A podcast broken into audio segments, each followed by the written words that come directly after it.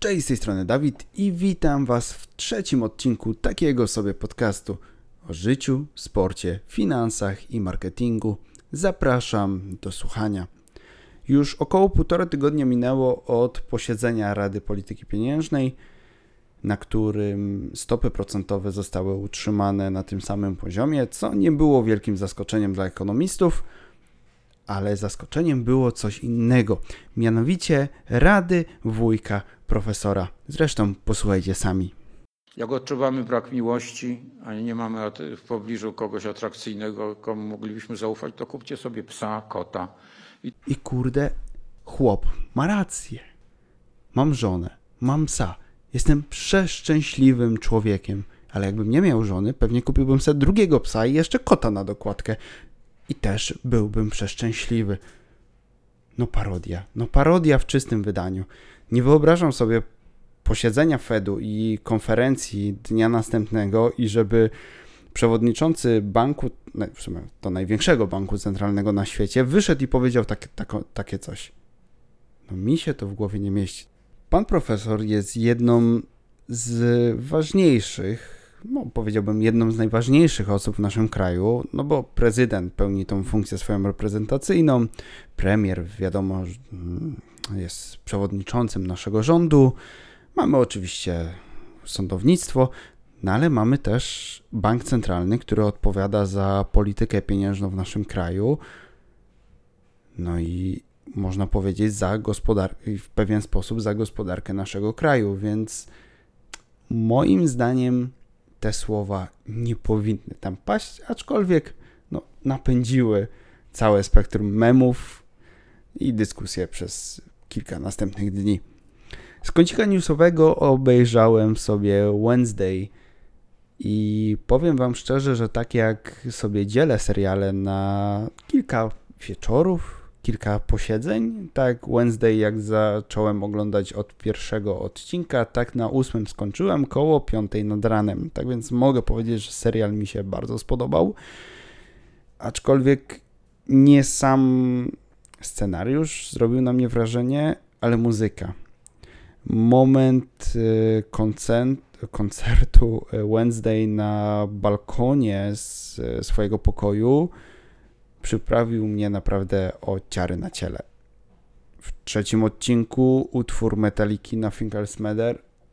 Niesamowity cover, pasujący bardzo mocno do, do serialu, do Wednesday. No, mega, mega zrobiło to na mnie wrażenie. Miałem ciary w tamtym momencie, więc serial no, mogę uznać za, za naprawdę udany. Przynajmniej jak dla mnie, no nie jestem krytykiem filmowym, ale no ale wypowiedzieć się mogę, w końcu to jest to mój podcast, co nie? I dzisiaj chciałem pogadać o zarządzaniu majątkiem, zarządzaniu budżetem domowym, no bo jest takie mądre zdanie, że nie da się zarządzać czymś, czego się nie mierzy. To jest pewnie jakieś stare, mądre przysłowie. I dzisiaj chciałem Wam powiedzieć o kilku narzędziach, z których korzystam. Niektórych darmowych, a które potrafią zrobić naprawdę ogromną robotę, jeżeli chodzi o przejrzystość finansów na co dzień.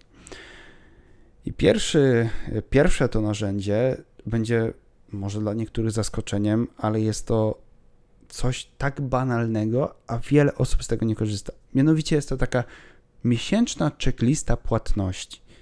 Czyli ja sobie drukuję listę, e, gdzie mam przewidziane miesięczne wydatki, ale nie wpisuję tam sobie kwot tylko drukuję, że na przykład mam rachunek za prąd, rachunek za wodę, jakieś e, media, nie media. E, ja to sobie wpisuję niektóre opłaty firmowe tam, żeby o tym nie zapomnieć. I w momencie, kiedy już wiem, ile dana rzecz będzie kosztować, sobie wpisuję ją i odznaczam, czy zapłaciłem, czy nie. Na tej podstawie jestem w stanie przewidzieć na przykład swoje przyszłe wydatki, no bo ja tą listę po odznaczeniu, po danym miesiącu wpinam do segregatora.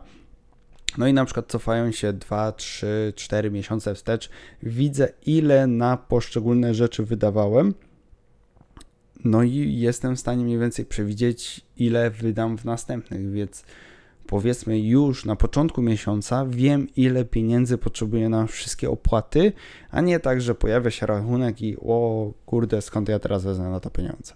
No nie, no w drugą stronę to ma być, czyli najpierw planujemy, a potem wydajemy. To tak z mojej perspektywy. Ale też ważne jest to, żeby wiedzieć, ile na poszczególne rzeczy się wydaje tak w codziennych zakupach. I do tego służy mi aplikacja no, bardzo przyjaźnie brzmiąca, czyli Pan Paragonik. E, aplikacja, tak jak z nazwy możecie się domyślić, e, jest takim swoistym magazynem paragonów.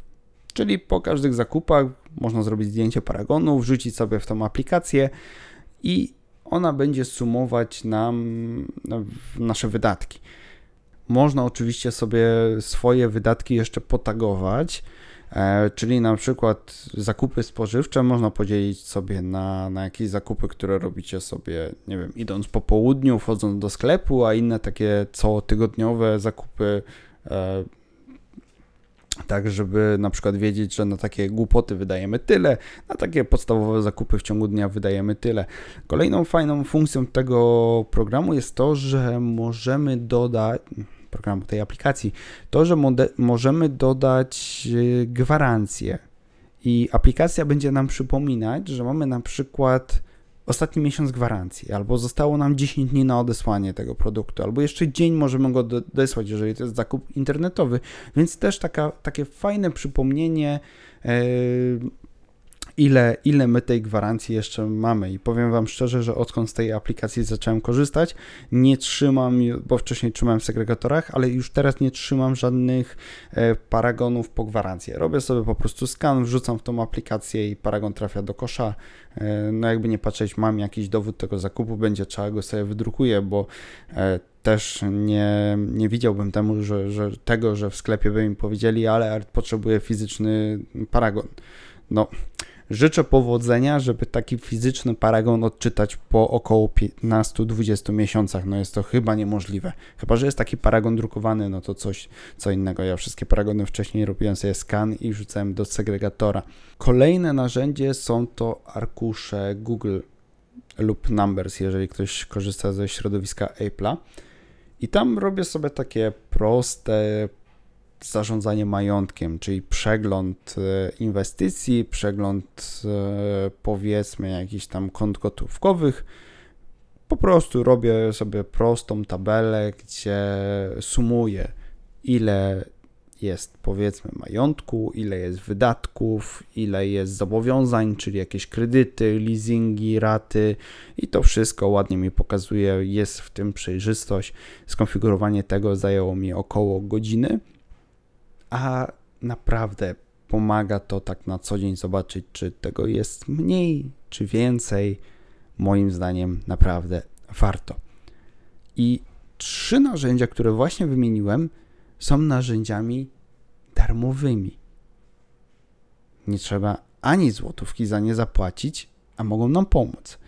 Ostatnie narzędzie, już powiedzmy do zarządzania inwestycjami, nie tylko majątkiem, to jest MyFund. MyFund, MyFund, MyFund, przepraszam, MyFund. E, jest to już narzędzie płatne, ale przydatne. Pomaga w łatwy sposób e, zapanować nad wszystkimi inwestycjami i jest to narzędzie przeznaczone dla osób bardziej zaawansowanych, dla inwestujących, czyli dla tych, którym zostaje nadwyżka w budżecie, no i nie do końca e, są zadowoleni z tego, że te pieniądze gdzieś leżą, tylko tracą na inflacji. Każdy wie, że teraz inflacja to jest wielkie zło, więc e, gdzieś szukają sposobów na lokowanie pieniędzy e, w różnych aktywach i w łatwy sposób mogą po prostu sobie to wszystko wrzucić w jedno miejsce i widzą, czy te aktywa rosną, czy spadają Oczywiście tego typu aplikacji jest wiele na rynku. Ja korzystam z tej, sprawdza mi się naprawdę bardzo fajny combine.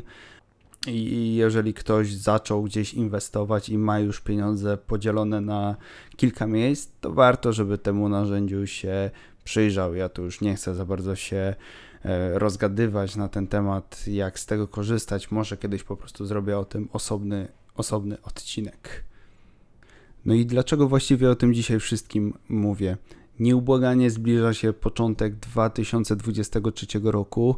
No i wiele osób jako postanowienie noworoczne da sobie ogarnąć swoje finanse i przeszukując internet natknie się na miliony aplikacji, które mają to ułatwić, które mają pomóc, no i wiele z tych aplikacji będzie płatne.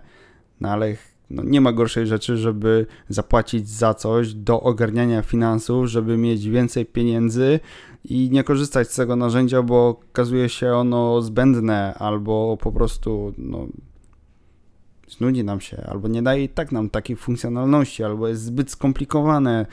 No wiecie jak to jest. Kupujecie coś, pobawicie się tydzień i koniec postanowień noworocznych. Chcę po prostu pokazać, że proste narzędzia, z którymi stykamy się na co dzień, które są dostępne za darmo, są narzędziami w zupełności wystarczającymi, żeby ogarnąć nasze finanse na co dzień. Nie jestem zwolennikiem mozolnego zapisywania, ile wydaliśmy na co, bo niestety to mija się z celem. Jak już wydaliśmy, to jest za późno. No po prostu wydaliśmy, koniec, kropka. To się sprawdza w przypadku niektórych wydatków, czyli na przykład zakupów spożywczych. No nie da się przewidzieć, ile dokładnie w danym tygodniu wydamy na zakupy, no bo powiedzmy, tu się może nam coś skończyć, coś dopiszemy do listy. Ważne, żeby mieć jakieś widełki, powiedzmy, w jakich chcemy się zmieścić. No i właśnie aplikacja Pan, Par Pan Paragonik w tym pomaga, czyli mniej więcej pozwala mi oszacować, ile na te zakupy wydam, no ale nieco do złotówki. Jeżeli chcę zaplanować większe wydatki, korzystam po prostu z checklisty, bo ona mi da możliwość rozdzielenia dużej części tych wydatków na poszczególne rzeczy i wtedy jestem w stanie oszacować, że ok, tyle wydaję na jedzenie, wiem to z pana paragonika na przykład z 3 miesięcy, tyle wydaję na te wydatki, tyle mam przychodu, no to coś mi, z tym, coś mi jeszcze powiedzmy z tego zostanie. Jeżeli mi nie zostanie, ok, to trzeba sięgnąć albo po oszczędności, albo coś zaplanować inaczej. I ostatnia rzecz, o której zapomniałem powiedzieć, a wspomniałem ją przed chwilą, czyli lista zakupów. Korzystam do tego z przypomnień na iPhone'ie. Mam w sumie zsynchronizowane przypomnienia z żoną i tam robimy sobie taką wirtualną listę zakupów jest znowu mnóstwo aplikacji, które pozwalają się dzielić listą zakupów z członkami rodziny, pozwalają dodawać tam produkty do koszyka i tak dalej, i tak dalej. Tylko niestety problem jest taki, że są one czasami bardzo skomplikowane, wymagają dużo naszego zaangażowania i dużo naszego czasu, co nie oszukujmy się, ale później kończy się na tym, że my z tych aplikacji nie korzystamy, no bo okazują się takie, no wiecie, no wziąć coś, zapisać długopisem na kartce jest szybciej później niż szukać w tej aplikacji, w wirtualnym sklepie, dodać do koszyka, Dlatego korzystam po prostu z przypomnień. Coś mi wpadnie do głowy, dodaję szybko przypomnienie. Coś mojej żonie wpadnie do głowy, dodaję szybko przypomnienie. Ja dostaję powiadomienie o tym, że ona coś tam dodała. No i tak chodząc sobie po prostu po zakupach, odhaczamy z listy, bo nie ma nic gorszego niż zakupy bez listy, jeżeli chcemy panować nad, nad naszymi finansami, bo wydajemy wtedy dużo pieniędzy na rzeczy, które czasami niestety wywalimy, bo się zepsują. Albo okazuje się, że mamy je jeszcze w domu i o ile są, jest to na przykład chemia, która może postać parę miesięcy, tak w przypadku produktów spożywczych może się okazać, że niestety trafią one do kosza, bo się zepsują. Ja Wam bardzo dziękuję za wysłuchanie tego odcinka. Mam nadzieję, że Wam się podobał. Jeżeli tak, no miło będzie, jeżeli zostawicie ocenę Waszej aplikacji podcastowej. To był taki sobie podcast. No i słyszymy się za tydzień. Trzymajcie się. Cześć.